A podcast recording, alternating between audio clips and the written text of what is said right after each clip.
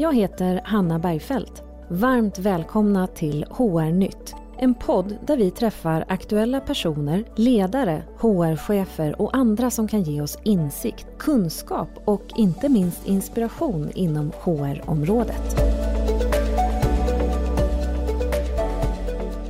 Dagens gäst är datavetare, psykolog, föreläsare, utbildare och författare. Han har tagit emot priser till bland annat Årets projektledarbok både 2015 och 2020. Idag är han här för att hjälpa mig att reda ut varför vi människor ibland har så svårt att samarbeta. Varmt välkommen Leif E Andersson. Tackar. Vad kul att du kunde komma hit. Mm.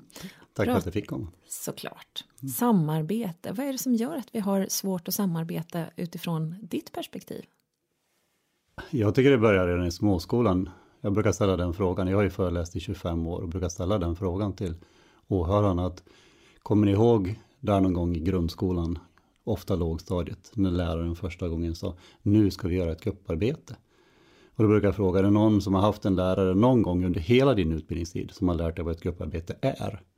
Eller haft en lärare som har talat om, så här gör man när man jobbar i grupp? Nej, Nej. Det, det, det, har faktiskt aldrig hänt. Det är Nej. väldigt intressant när du ja. säger det. Men de senaste åren har det blivit någon enstaka ung människa som har räckt upp handen och sagt att ja men det hade vi på gymnasiet eller högstadiet. Men annars är det ju ingen. Nej, det är helt sant. Man mm. bara förväntas eh, veta det på ja. något vis. Vi ska kunna det på något vis. Vi ska kunna det. Och där har du andra åsikter då tänker jag att det är där du kommer in som expert och hjälper oss. Hur ska man göra? Ja, alltså det finns, jag, alltså jag har ju, eller så här, snarare under psykologutbildningen lär man sig hantera människor och då lär man sig till exempel samtalsmetodik och andra färdigheter för att jobba med andra människor. Och det är inga svåra saker, det är liksom inte rocket science, men eftersom vi aldrig har lärt oss det så är det ju inte lätt. Och framförallt så kan vi inte, vi vet ju inte, vi vet inte hur vi ska bete oss i en situation. Till exempel om vi blir arg på någon eller besviken på någon eller någonting sånt där. Mm. Och så då har jag levt, brukar jag säga, 25 år på att lära människor saker de borde ha lärt sig i småskolan. Just det. Har du, har du tänkt någon gång att du skulle försöka påverka grundutbildningen i skolan så att man lär ut det här istället? Ja, jag har försökt. Och sen har jag väl någon kollega som har försökt mer att införa och det finns i olika system. Och, sånt. och det finns ju, det börjar ju komma. Det finns det Pax i skolan och det finns Kometprogrammet och i Stockholm vet jag har man det ABC-programmet som är gratis för föräldrar som innehåller lite, lite liknande färdigheter. Så, att, så det händer ju saker, det gör det absolut, det blir bättre. Och även på lärarutbildningen har man börjat införa lite hur man agerar i klassrummet och sådär. Så att vi får hoppas att det sakta blir bättre. Mm, såklart. Men vad, vad, brukar det vara för stora samarbetsproblem som vi har då, som vi kanske inte är medvetna om? Förutom att vi inte vet exakt hur vi ska göra. Eller jag tror att i alla fall jag och kanske många med mig inte reflekterar över det så mycket utan man bara sätter igång. Mm. Är det det jag, tycker är... det, jag håller med dig, det där tycker jag är intressant att på något vis är vi så vi är inte medvetna om att vi inte kan. Jag fick ett bra exempel från en kollega för många år sedan. Han är dansk men han kan ha en svensk mamma som pratar perfekt svenska. Och han, han, du hör inte på honom att han, att han är dansk. Men vid något tillfälle så föreslog jag att han skulle läsa en bok. Och då frågade han om det fanns på engelska eller danska. Nej, sa jag, men du kan ju svenska. Nej, sa han. Och då blev jag lite förvirrad. Vadå, du pratar ju perfekt svenska. Ja, sa han, men jag kan inte svenska. Ja, vadå? Nej, men jag har aldrig gått i skolan, sa han, och lärt mig svenska. Du har ju, du har ju gått i massa år och lärt dig stava och grammatik och massa saker. Och det där ah, tänkte jag, intressant. Och så gick jag hem och kollade och det är faktiskt så att under de första nio åren i grundskolan så lägger vi ungefär 1400 timmar, alltså 3 till 4 timmar i veckan lägger vi på att lära oss vårt eget modersmål. Alltså vi lär oss det rent teoretiskt, typ stavning och sådana där saker. Mm. Men, men på samma tid så lär vi oss, har vi noll timmar i hur man jobbar med andra människor. Men vi gör det hela tiden. Så precis som han pratade svenska, och kunde, det lät som han kunde prata svenska, så, så jobbar vi med andra människor och vi tror att vi kan det. Mm. Men egentligen så saknar vi, på samma sätt som han saknar den grammatiken, så saknar vi liksom grammatiken, eller stavningen, i det. Och det där tycker jag är intressant. Egentligen en slags regler för samarbete, är det det du eftersöker? Alltså färdigheter, det finns mm. alltså, vi kan ta det, det som nästan har landat mest och som jag oftast hör när jag kommer tillbaka och träffar kunder senare eller jag pratar med dem vad som har landat i organisationen när jag var ute och pratade. Det är det här med säg det eller glöm det. Och det låter ju som en otroligt löjlig enkel sak. Men jag brukar fråga, finns det någon här som kan läsa tankar? Nej. Finns det någon som känner någon som kan läsa tankar? Nej. Finns det någon som känner någon som förväntar sig att du ska kunna läsa tankar? Ja, då kommer det, eller hur? Ofta min partner. Alltså liksom. Men ja, men visst, du ska känna på dig någonting. Och det där, bara börja där. Det var som en kvinna som jag träffade några år efter jag var och jobbade med hennes avdelning. Då sa hon att det där tyckte jag var jättespännande. Så, så gick in till min chef och sa, så där kan, kan väl vi agera? Och då sa hon, ja, sa hon, men du kan väl föregå med gott exempel då? Och då gjorde jag det, sa hon. Varje gång det blev något snack på ett fikarasten så där så sa jag det. Kommer du ihåg vad den där föreläsaren sa? Ska vi ta upp det eller ska vi släppa det? Och vissa saker tog vi upp och de redde vi ut med chefen och vissa saker släppte vi. Och hon sa det gick bara tre, fyra veckor så var det mycket mindre gnäll på fikarasterna. Vad härligt. Ja. Vilken enkel regel ja. som ändå har stor betydelse. Ja. Ja, jag tycker det är fascinerande. Jag pratade med en, en ganska högt uppsatt chef för en ganska stor organisation i förra veckan bara. Och han sa att det där hade förändrat hans ledningsgrupps sätt att jobba ordentligt. Bara att de hade börjat bry sig om det där. Liksom. Säg det eller glöm det. Ja. Och det är så enkelt att komma ihåg. Det är jo, men precis. Sen säger jag inte att det är lätt. Det är inte lätt att glömma de dumma saker man har gjort. Eller de, när man tycker att någon annan har gjort något dumt. Men, och det är inte det jag menar med glöm det heller, utan jag menar att har inte du sagt det får du inte låta det påverka relationen. Du får inte gå och vara sur på en person eller lägga krokben för någon för att den sa någonting som du tyckte var dumt. Om du inte har sagt det. Nej. Och gett en möjlighet att korrigera då i ja. så fall. Superbra. Är det här det vanligaste skavet eller som du möter när du kommer ut till olika bolag? Alltså det är nog en av de vanliga sakerna, det är att vi aldrig pratar med varandra. Utan vi, vi stör oss på en person på något vis i något sammanhang och sen går vi bara titta lite snett på den personen. Och då är det lätt att vi stör oss på någonting mer för att nu har vi fått en lite negativ bild av den personen. Och så säger vi ändå ingenting. Och sen kanske den personen märker att vi har blivit lite sådär och då börjar den i sin tur. och nu glider vi ifrån varandra och så kan det vara en ganska stor konflikt efter, efter en tid. Och det tycker jag är lite fascinerande för ibland när jag kommer in och får göra konflikthanteringar och får prata med två personer som just har, är väldigt osams. När man väl sätter dem tillsammans och de får berätta för varandra hur de ser på saken, då är, då är det mesta löst. ja, men för att de aldrig har pratat med varandra. Nej, nej. Och hur gör du då för att börja få dem att prata? Jag tänker att du kommer in där och det är kanske en infekterad konflikt. Eh, och så ska du komma in som någon slags eh, medlare eller vad det nu kan vara för någonting. Hur, hur lägger du upp det? Jag tänker att du är ju utbildad och utbildar också i mm. OBM. Mm. Kan, du, kan du börja berätta för de som inte vet vad OBM är? OBM är för något? Mm. Organizational Behavior Management. Det är alltså kan man säga beteendeteori tillämpat på relation och ledarskap. Och det är ju alltså det är samma grundläggande beteendeanalytiska teorier som ligger grund för KBT och ACT och Mind, alla sådana liksom, många sådana metoder som vi vet funkar. Det handlar egentligen om hur, hur, hur, varför människor gör som de gör och hur vi kan påverka det. Mm.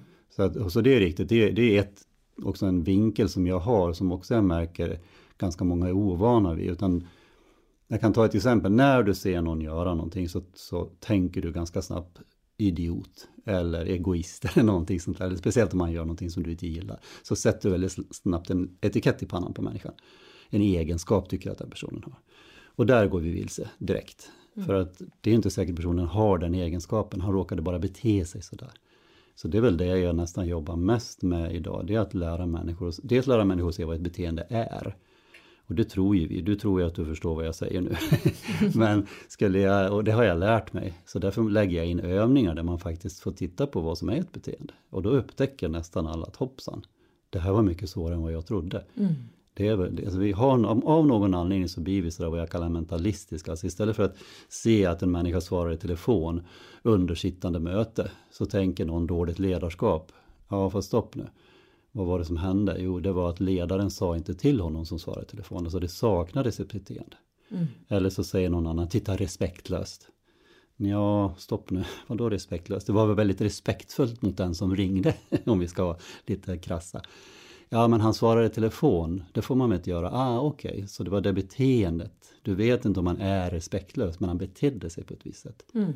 Och det där märker jag, det där fastnar vi på något vis. Vi fastnar i respektlösheten och så vill vi göra någonting åt den. Jag fick ett jättebra exempel från en produktionschef en gång. Som berättade att hans, mina medarbetare tar inte eget ansvar. Hur kan jag lösa det?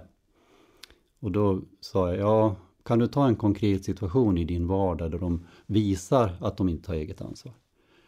Ja, då fick han tänka efter och det här är också intressant. Det, alltså, han, han visste det här men han kunde inte riktigt pinpointa liksom, vad, vad är det egentligen som de gör. Men till slut så kom han på. Ja, men ibland när jag rör mig ute i produktion då kommer någon fram till mig och säger vad ska jag göra nu? Men herregud, tänker jag. Han har jobbat där i 15 år. Han vet väl vad han ska göra. Han kan inte ta eget ansvar. Det är så vi tänker och det är ganska vanligt att vi tänker sådär. Men då fick jag honom att tänka vidare och, och sa okej, okay. så han kommer fram och frågar dig, det beteendet som du ser. Vad gör du då? Ja, men då säger jag väl, men gå och gör det där då. Jag blir lite irriterad på honom först för att han inte kan ta egna beslut och så säger jag åt honom att göra något. Okej, okay. och sen senare på nästa dag, det var en längre, en tvådagarsutbildning, då frågade han det karln, okej, okay, hur ser du nu på den där situationen? Ja, så nu inser jag att när han kommer och frågar mig, då svarar jag honom. Och då kan, går ju han och gör det. Så att han får ju en instruktion av mig, han får, får ju hjälp av mig vad han ska göra. Ja, så jag, bra, jättebra. Och så det är där det händer. Så han, det att han inte tar eget ansvar, det har kanske ingenting med saken att göra. För, utan det är att han gör någonting. Och det gör han ju för att han får ett svar. Mm. Och då frågar jag, vad, kan, vad skulle du kunna göra istället då? Ja, jag skulle kunna säga, men du har jobbat där i 15 år, vad tycker du själv? Och då skulle han säkert komma på någonting och då ska jag, men vad bra, gör det då. Och då skulle jag gissa, då försvinner det här beteendet. För då kommer den här karln att tänka att ja, men det är ingen mening att gå och fråga chefen. För han kommer bara fråga vad jag tycker själv. Då går jag väl och gör det då. Eh, och då kanske vi om några månader har att personen inte kommer fram och säger så. Och helt plötsligt så tycker vi att han tar eget ansvar. Förstår du skillnaden? Alltså, mm. Det där tycker jag är intressant. Att vi istället för att vara på, på botten där, där det händer och titta på vad, som, vad människor gör. Så gör vi någon form av egenskap eller attityd eller någonting. Alltså de har en taskig attityd, eller hur? Mm. Och så försöker vi göra någonting åt det. Så det är väl egentligen, det är kanske lite grunden i, i OBM också, att det är det vi jobbar med. Vi jobbar med beteenden och sen vet vi vad som, vad som gör att får folk att göra beteenden. Varför de gör sådär. Så intressant. Och jag, jag, sitter och reflekterar över tillfällen då man har haft kanske en utbildning eller en föreläsning och hur man snabbt kan tolka någon som sitter och lyssnar och låter blicken fladdra iväg genom fönstret eller titta på klockan eller vad det nu kan vara.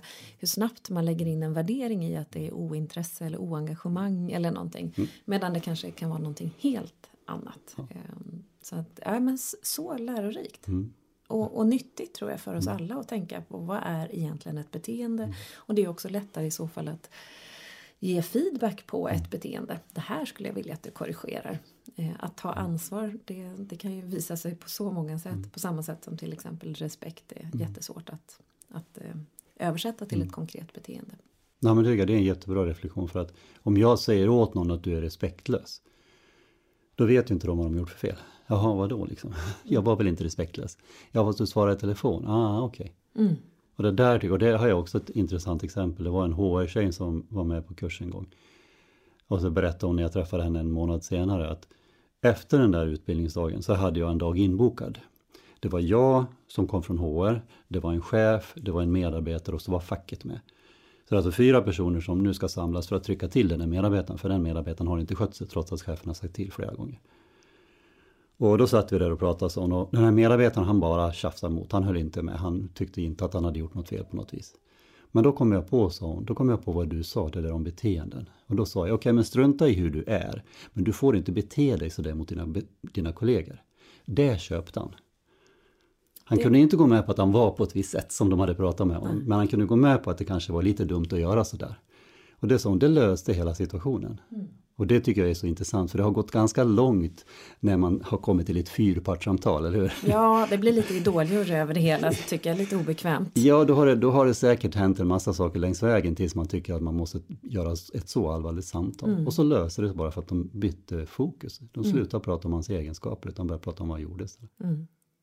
Och det där, det där kan jag relatera till att man har varit i några situationer att det kan bli ett låst läge när man sätter en etikett mm. på folk. Men att plötsligt vända då och prata mm. om vad är det för beteenden mm. eller konkreta mm. aktiviteter som jag vill mm. att du förändrar. Mm. blir ju mycket mer framåtriktat också. Ja, det är inte lika, vad ska man säga, man, man etiketterar inte, man säger inte att du är på ett visst sätt. För att, att du är ju ganska svårt att, det, det är tungt på något vis, men att jag gör en annan sak. Klokt! Mm. Men du, när du kommer till de här, om vi kommer tillbaka till, till ursprungsfrågan, när du kommer till olika bolag, till exempel vid konflikthantering, mm. det tycker jag är lite spännande. Mm. Hur lägger du upp det för att lösa en konflikt och börja nysta i det? Om du säger att det är ett ingrott problem mellan några parter.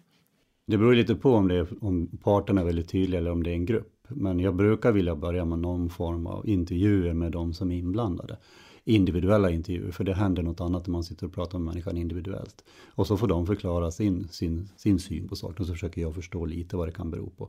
Speciellt om det med, med många personer det är bra att ha lite koll mer sådär. Jag vet ju att det är två personer specifikt så det är lättare att de får prata om just det som de tycker är problem med den andra då så att säga. Mm. Men de får ge sin bild och dels är det viktigt tycker jag för att alla har ju ett behov av att ge sin bild.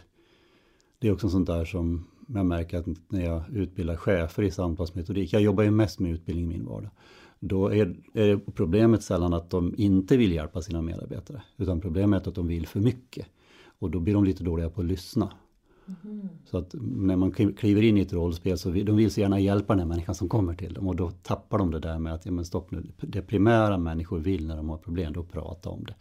Och att det är helt okej okay att prata om det, att de inte blir ifrågasatta eller motsagda, utan bara, bara prata. Så det är första steget, låt dem prata. Mm. Och sen när de har fått prata var och en sådär, då brukar jag föreslå att då har vi ett, ett gemensamt möte.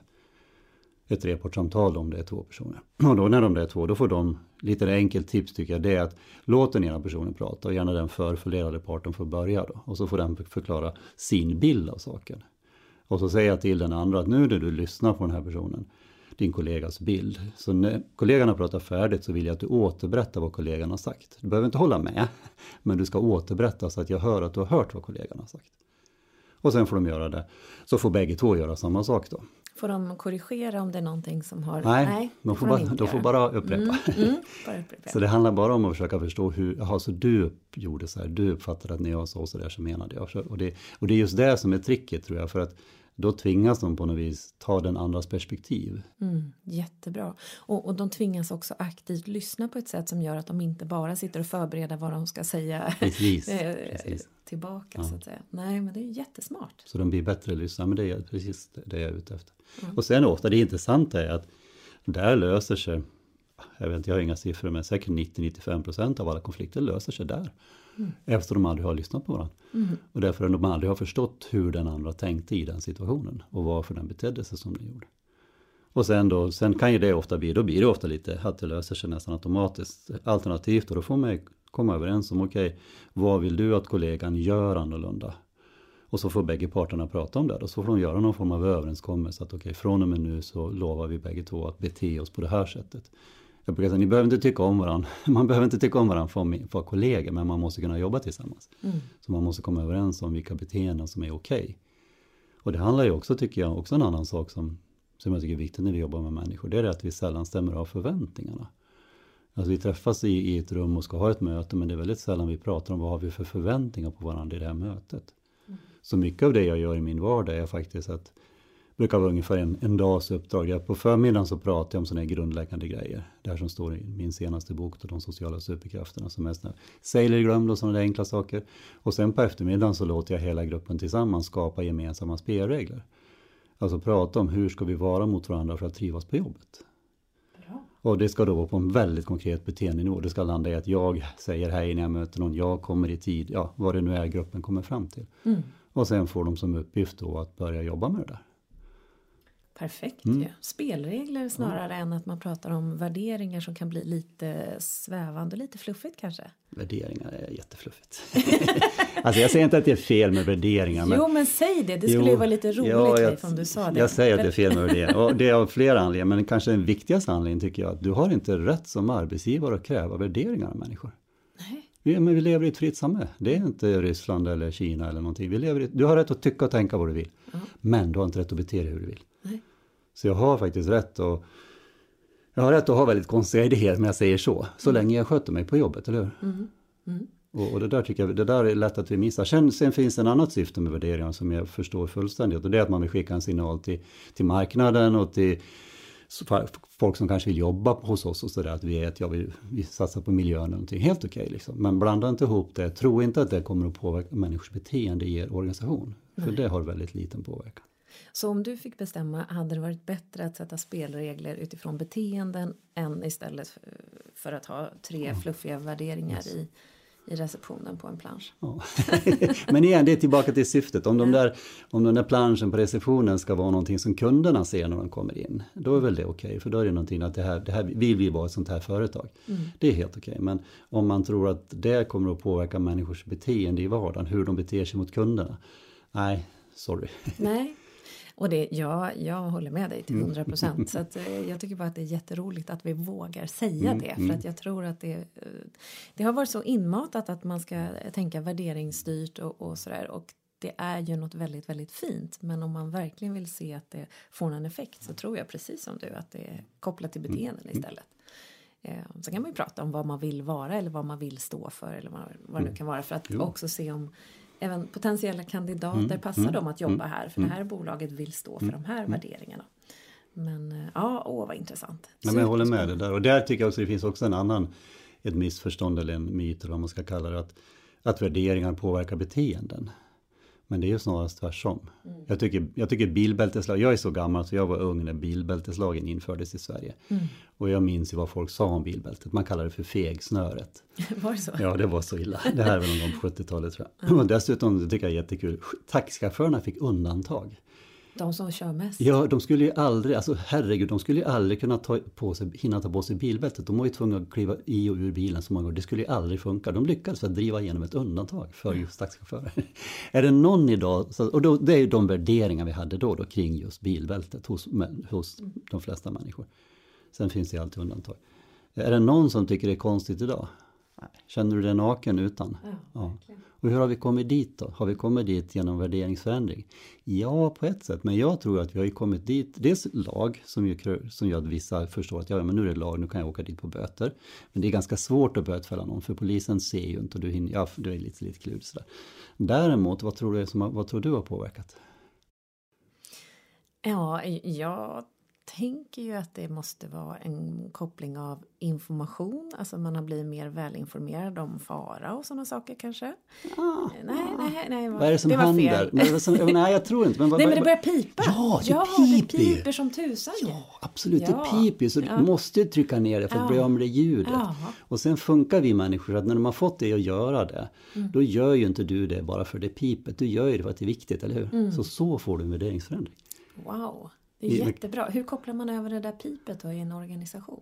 Ja, det gäller att det finns konsekvenser. Om vi pratar om värderingar till exempel, men så beter vi oss på ett annat sätt. Vi tillåter beteenden då. Så att egentligen skulle, det är det som är bra med spelreglerna. Då bryter vi ner det här värderingarna till konkreta beteenden och sen kommer vi överens om vilka konsekvenser som ska gälla om man gör så. Alltså, säg att vi kommer överens om att komma i tid till möten. Då när någon kommer i tid, då är det tummen upp. Lite enkel så här, kul, bra, tack. Vi pratade om det här igår, jag märker att du är tid. Bra liksom, vi sköter det här. Förstärkning. Ja, förstärkning. Och kommer någon sent, då måste vi våga bestraffa lite också. Och där tycker jag också, det är också en fördel med att skapa spelregler. För att om vi har skapat spelregler, då behöver jag som chef inte peka med hela handen och liksom bossa över dig om du kommer sent. Utan då räcker det att jag säger, du, det där du gjorde nu, hur tycker du att det stämmer med våra spelregler? Det kommer du inte undan, eller hur? Det kan du inte snacka dig ur. Och det är bra. Och, och då börjar du komma i tid. Bra, och då har vi, då är vi av med det problemet. Mm. Och för att vara superkonkret om det är någon chef här nu som lyssnar. Ska man ta den bestraffningen, om man nu kallar det så, i plenum när någon kommer sent till ett möte? Eller ska man ta det enskilt efteråt? Vad är ja. din åsikt? Nu, nu blir det besvärligt. Ja. Nej, men det, är, det kluriga med människor är att, att vi alla styrs ju på något vis av konsekvenserna av våra beteenden. Det tycker jag det finns så mycket forskning sedan ja, över hundra år tillbaka. Men det kluriga är att konsekvenser är väldigt olika för olika människor. Mm. Så generellt brukar man säga att vara lite försiktig med att ta det i plenum så här. Samtidigt så har vi precis pratat om det, då kanske det är så öppet så det kanske är helt okej. Okay. Mm. Och är det dessutom så att jag vet att om jag tar den här personen åt sidan efteråt och säger det här och jag vet att det kommer inte att funka, då kanske jag höjer insatserna lite genom att säga det i grupp. Eller så vet jag att om jag nu säger det i grupp, då kommer den här personen att gå och prata skit om mig och få de andra att skratta åt mig som ledare för att jag var så petig då har det ju misslyckats, förstår du? Då har det mm. blivit en förstärkande effekt istället. Mm. Och det, det, är det här som gör att teorin i OBM är väldigt enkel. Den är nästan så löjligt enkel. Men tillämpningen är väldigt klurig. Mm. För att man måste lära känna varje unik medarbetare. Det. vet man exempel, har man flera barn så vet man ju ofta att de funkar olika, eller hur? Mm. Du kan liksom mm. inte locka alla barnen med samma belöning. Nej. Nej, det, det, är verkligen sant. Jag, jag, sitter och tänker på hur det skulle vara där om man då i plenum säger nu kom ju du sent. Vad, mm det, det, kan ju också stärka övriga gruppen som kanske blir lite irriterade på att vi satte de här spelreglerna.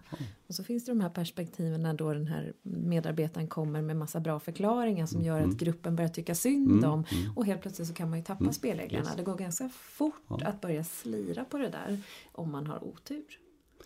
Ja, så, men då kan man använda det här som någon använde på, på mig en gång. Eller jag råkade inte ut för men jag gick någon sån här utbildning för många herrans år sedan i databranschen.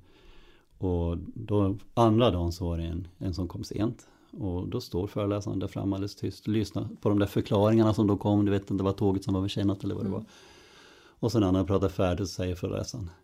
Ja, det låter som en jättebra förklaring. Tycker du att det är en ursäkt? Sen kom alla i tid. ja usch, ja fy. Ja, men det, men ja, det, det precis, det är det här ja. som är det kluriga. Alltså, precis som du säger, vi mm. vet vad kommer att funka, det vet ja. vi inte. Så att får vi vara, och det är det som är svårt, det är därför att det, det blir svårt i praktiken. Man måste lära känna mm. hur folk fungerar. Mm. Så att, men det är klart, det och det är igen tillbaka till att det är en fördel om vi har pratat om spelreglerna och vi alla, alltså alla har varit med och tagit fram dem. För då är det ingen som kan säga att det här är någon, någon dum arbetsgivare eller någon dum chef som tycker att jag ska agera på det här sättet. Mm. Utan det är jag själv som har varit med och tagit fram de här. Just det. Så bra. Det där, det där ska jag börja tillämpa direkt. Det är bara konstigt att jag inte gjort det förut. Ja. Jag vill lägga till en annan sak som jag kan tänka på, som jag också, tycker också är väldigt viktig. Och det är om vi tar det exemplet med att komma tid till möten. Vad som händer när någon kommer sent, det är ofta att de andra sitter lite med armarna i kors och tycker att jaha, varför får han göra så därför? Varför säger ingen åt, ingen åt henne? Mm. Eller hur? Mm. Och då brukar jag också säga att, men, vad, vad, tror ni, den personen som då kommer och ingen säger någonting, vad tror ni den tänker? Mm. Jo, den kanske tänker, vilken skön grupp det här är. Det är ingen som bryr sig, eller man får komma och gå lite som man vill. Mm. Vad tror ni skulle hända om alla i rummet som störde sig på den personen skulle ta ansvar och säga det eller glömma det? Alltså antingen ta upp det eller så släppa det och låta personen hålla på sådär. Vad tror ni om alla skulle säga till? Ja, då skulle personen troligtvis inte komma för sent. Nej. Istället sitter vi då och tycker att det här är någon annans problem. Det här är ledarens problem oftast. Då. Ja, Just. fast det är alla där inne som tycker saker och ting. Mm. Och det är ju också en, en väldigt eh, bra grej som du tar upp nu. Det här att alla i gruppen måste ta ansvar för hela gruppens funktion mm. om man mm. pratar i relationer. Mm. Att det inte blir, jag, jag, som har haft personalansvar i en del roller så att man ofta upplever att man blir den här slasktratten och du som chef ska bara lösa det. Men, och, och, ännu värre blir det när folk kommer och säger men, men säg inte att jag har sagt Nej, det. Men det. Då blir det ju som att man är tagen som gisslan. Man vet massa elände men man får inte riktigt möjlighet att hantera det. Ehm, men, men då är det ju superbra då kanske att bolla mm. tillbaka det och, mm. och trycka på det här, säg det eller glöm det. Mm. Eller ännu hellre att man har spelregler som, som man kan relatera till och att, att personen i fråga då får ta upp det med den det berör. Precis. Mm. Klokt. Så det, om jag gör en liten delsummering. Säg mm. det eller glöm det. Äl, älska den, mm. alltså den behöver ju alla använda. Eh, spelregler för hur vi ska bete oss på mm. vår arbetsplats mm. eller i vår grupp. Mm. Snarare än eh, fluffiga fina värderingar. Det vågar vi ändå säga, eller? Det vågar vi säga. Ja, det vågar vi säga. Ja, men vad härligt. men du började prata om det här med samarbete också och jag vet att du har skrivit en del om eh, både samarbete, du har pratat om den här boken om superkommunikativ, vad heter boken? De sociala superkrafterna. De sociala superkrafterna. Vad är de sociala superkrafterna? Det är de här grundläggande färdigheterna helt enkelt, att man har har man dem så då klarar man det mesta. Ja. Alltså det tycker jag tycker det är intressant som jag, har, jag är legitimerad Socialstyrelsen och hjälper människor med problem men jag har inga magiska verktyg utan jag, jag, väldigt, jag använder de här grundläggande verktygen väldigt konsekvent. Mm. Det är som många man kan ta likna med svenska eller matte eller någonting men kan du alla de fyra räknesätten så löser du ganska många matematiska problem. Mm. Men problemet är att de flesta av oss kan inte ens de fyra räknesätten. Nej. Och då blir det svårt. Då blir det svårt. Och vad är de eh, fyra räknesätten om man översätter det inom ditt område? Dels har vi varit inne på Sailor glömde. Sen är också det att kunna agera, heter det, avgöra vem som äger ett problem. Mm. Eh, när, när man kommer in i en situation så stopp nu, vems problem är det här? Om jag stör mig på någonting då är det mitt problem. Om du stör dig på något då är det ditt problem. Och det har ju ett bra exempel när någon kommer till när du är chef och så kommer någon till dig med ett problem så är det den personens problem. Och det är lätt att en chef för det tar över det. Ja, jag förstår det måste vara jobbigt för jag ska kolla på det. Men stopp nu, du ska väl inte, du är väl ingen förälder som ska, jag tycker det är lite intressant det där, på jobbet ibland så agerar vi som, som vi gjorde hemma i familjen med syskonen. När någon syskon är dum mot en då springer man till mamma eller pappa, eller hur? Mm. Och när, när en kollega är dum mot en då springer jag till ledaren. Ja, fast stopp nu, vi är väl vuxna människor. Förhoppningsvis. ja, ja. förhoppningsvis. Jag brukar säga att det inte finns några vuxna människor. Men det, och jag räknar, jag räknar inte mig själv dit heller. Men, men jag tycker det är intressant att, att förstå, men det är du som har en problem med en kollega. Den, det måste du klara att hantera. Om chefen har något problem med kollegan, det vet vi inte. Och det får ju chefen inte prata om. Chefen kan inte sitta och så, att, det, där, så det, det tycker jag är en första grej, att sortera ut det, stopp nu, vems problem är det här egentligen? Mm. För det hänger också ihop lite med hur jag agerar i situationen. Mm. Och sen har vi också med vad är problemet? Det är också väldigt vanligt tycker jag, att man går vilse i. Man springer lätt på, antingen letar man syndabockar när någonting händer eller så springer man snabbt på lösningar. Istället för att våga stanna upp en stund och se till, är vi överens i hela gruppen om vad vi egentligen problemet är? För det brukar ju vara så är man fler än en människa så har man lite olika bilder, eller hur? Mm. Och då måste vi vara överens om vad egentligen problemet är. Vi måste våga stanna där så att säga. Mm. Så det är väl, och sen det här med beteende, då fokus på beteenden. Och Just. förståelsen för att beteenden styrs av de konsekvenser, inte av egenskaper eller någonting sånt där. Nej. Okej, så säg, säg det eller glöm, glöm det. Mm. Mm. Vem äger problemet? Mm. Vad är problemet? Yes. Och sen att beteenden styrs av konsekvenser. Mm. Det är egentligen de fyra spelreglerna eller matematiska räknesätten. jo men faktiskt, det är ja. lite av de grundläggande tycker jag. Ja men jättebra. Mm. Och egentligen borde det här vara en del av både grundskolan pratade vi om inledningsvis, mm. kanske lite avancerat man går i, i eh, trean tänker jag som har en son i trean just nu. Okay. Men, ja. men däremot eh, kanske en del av ledarskapsutbildningar och så borde det vara i större utsträckning att man får en kännedom om det. Men kanske även medarbetarskap. Absolut, det är någonting som jag har gjort de senaste, säkert, nu har jag hållit på länge, men kanske senaste decenniet eller någonting sånt där. Så jag får ju ofta förfrågningar om just ledarskapsutbildningar. Eh, men nu har jag, eller sen dess då har jag börjat alltid be om att få jobba med medarbetarna också. Jag säger att det räcker ofta med kanske en halvdags föreläsning för att jag ger dem samma grunder. Dels så förstår ju de då mer vad ledarna börjar hålla på med när de har gått utbildningen.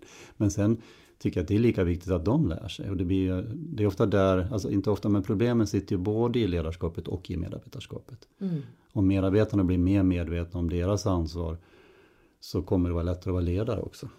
Verkligen. Verkligen. Mm. Apropå det som du pratade om förväntningar på varandra så, mm. så är ju det en mm. sån sak som jag tycker är intressant att prata om. Jag vet mm. att jag pratat med någon annan i något annat avsnitt om att man ibland har olika förväntningar på mm. varandra som grupp.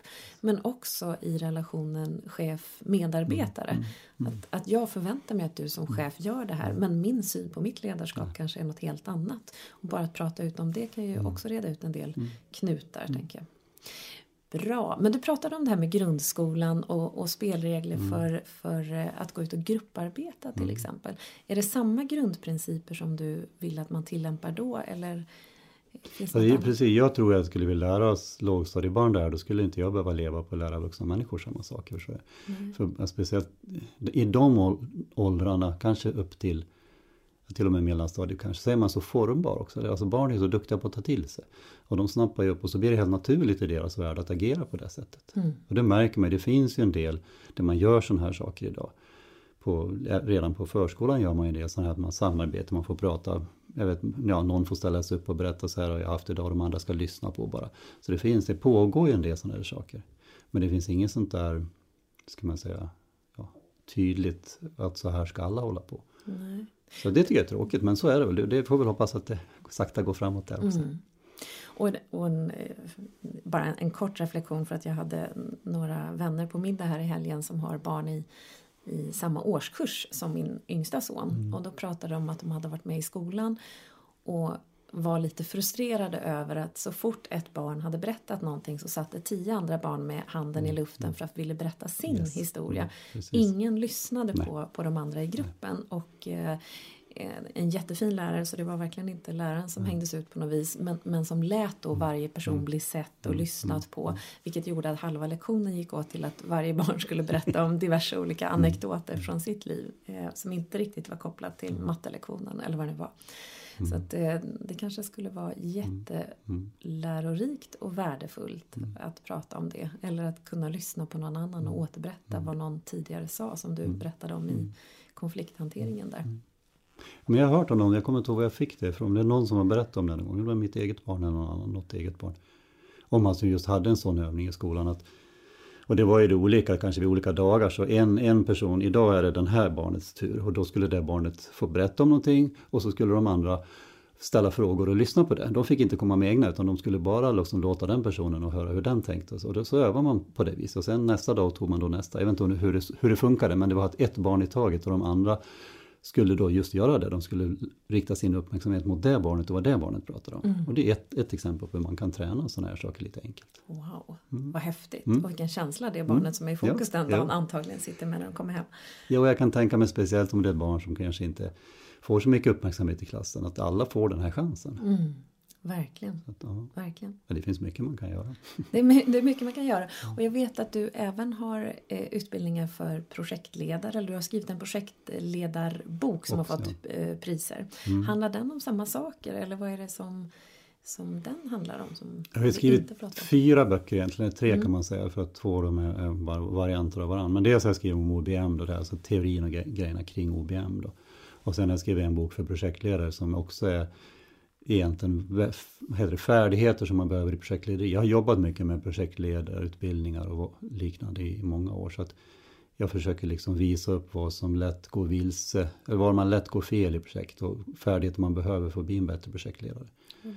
Så man kan säga att där finns det en del av de här sakerna som finns i de sociala superkrafterna också. Sen den boken i sig, den handlar bara om det här hur man, hur man är, blir en bättre medmänniska eller vad vi ska kalla det, eller bättre på samarbete. Så de tre böckerna. Fantastiskt. Och projektledarna verkar gilla mig eftersom jag har fått två böcker som vid årets projektledarbok. Jag brukar säga att jag gillar dem för de har det svåraste, eller svåraste ledarskapsuppdraget. Mm. De har all ansvar men ingen befogenhet. Nej, just det.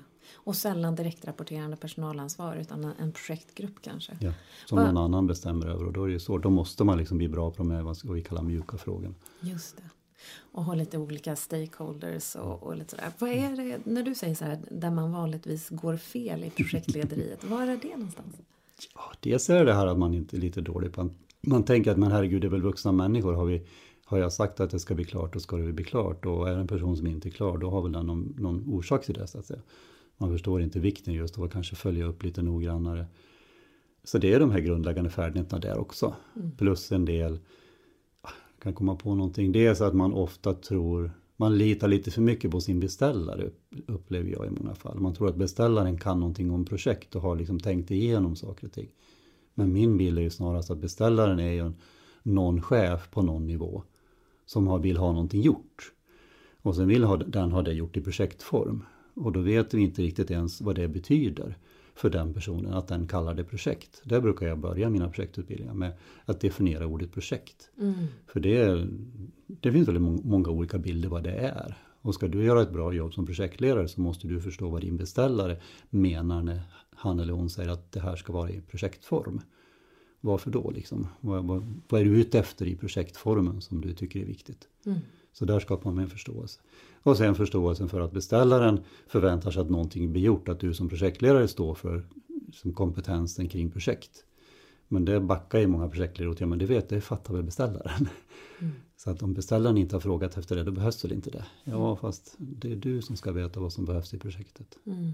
Så det finns en del sådana här små saker hur, som, man kan, som kan vara bra att tänka på när man jobbar i projekt. Nycklar. Mm. Den där kommer jag läsa. Mm. Det, det låter väldigt spännande och jag tycker mm. att det det är som du säger, att vara projektledare är ju riktigt svårt mm. uppdrag. Mm. Det märker man. Mm. Det, det, är lätt att ha åsikter om andras projektlederi. Men att sitta i det själv är, är mycket mer utmanande.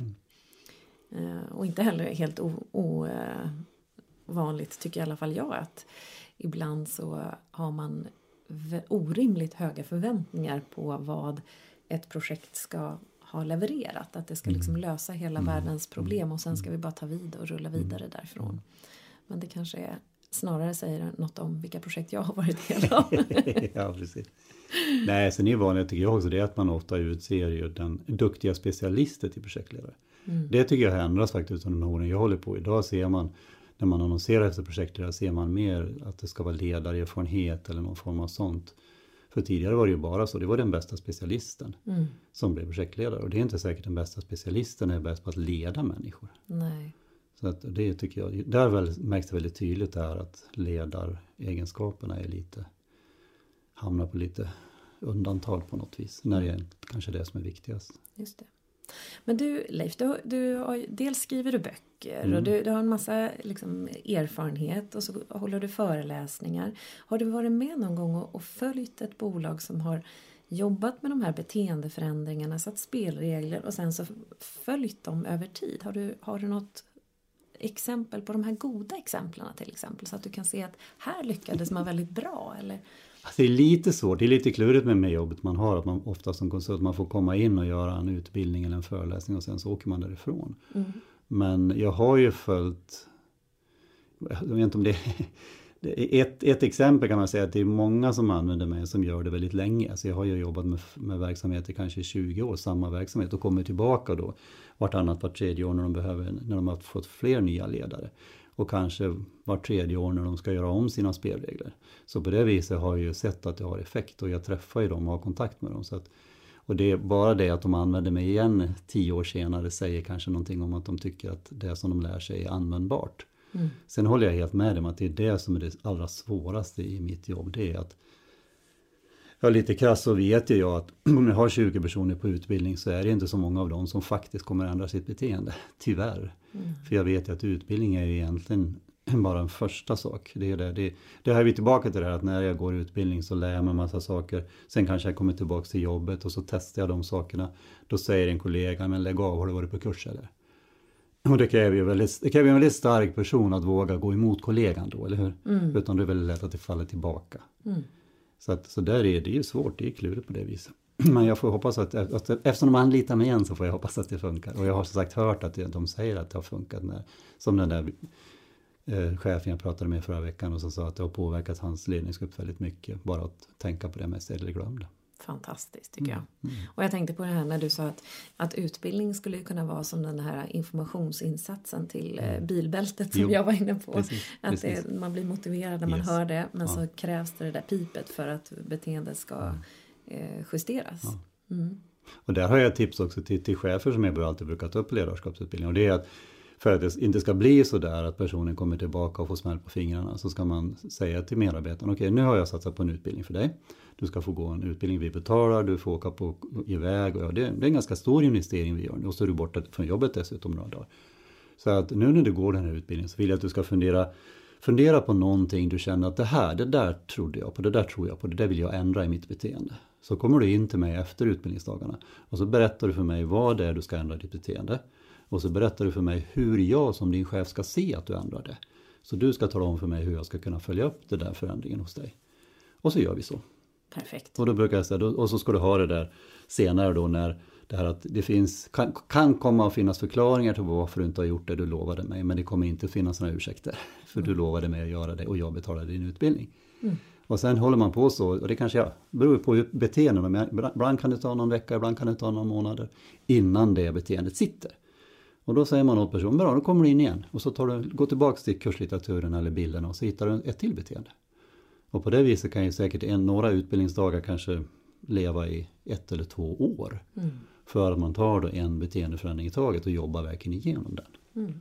Då händer något tror jag. Häftigt! Mm. Jätteroligt! Och jag, jag råkar ju förstå här nu att du och jag har jobbat med samma kund en gång. Det får vi prata Jaha. efter podden. Men jag känner igen en del av det som du berättar om. Mm. Känner jag igen har återberättats okay. för mig ja. via den kunden. Så att ah, ditt ord lever vidare eh, Leif. Så det är och har du ett exempel där? Jag har, jag har ett exempel som, som ja. vi inte ska prata om här och nu. Men, ja. men så snart vi slår mm. av inspelningen så mm. får vi göra det. Spännande. Nu blir ni lite nyfikna ni som Precis. lyssnar kanske. Nu blev det en cliffhanger.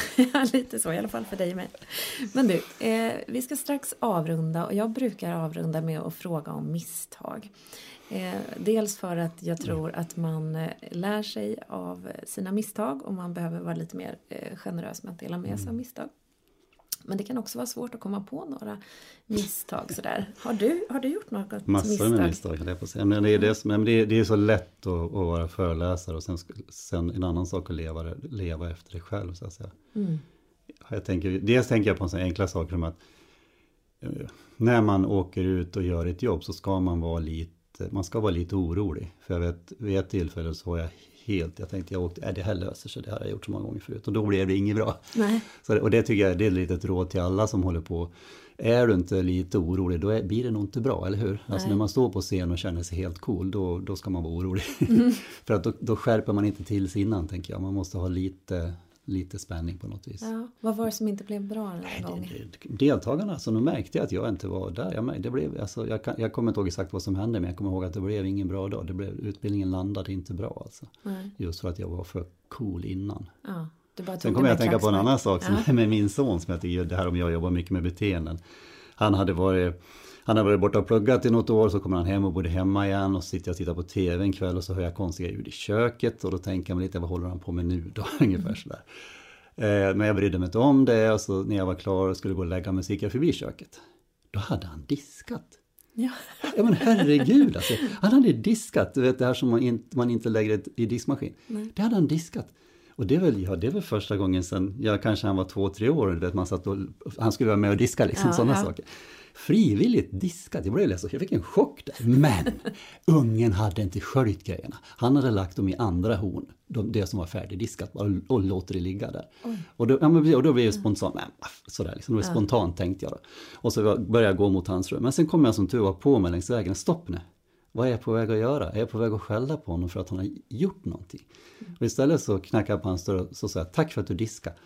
Och så gick jag tillbaka och sköljde och ställde upp det. Och det är ett sånt där exempel tycker jag på det är, så, det är så lätt att man i vardagen gör fel. För mm. alltså istället för, jag vet ju att jag ska bekräfta bra beteende, jag vet att jag ska bekräfta, jag ska, det är det som är så viktigt. Mm. Du kan ju bara tänka dig själv, vad tror du hade hänt om jag hade klagat på honom? Hade han gjort så här någon gång mer gång då? Mm. Nej, då hade han släppt totalt.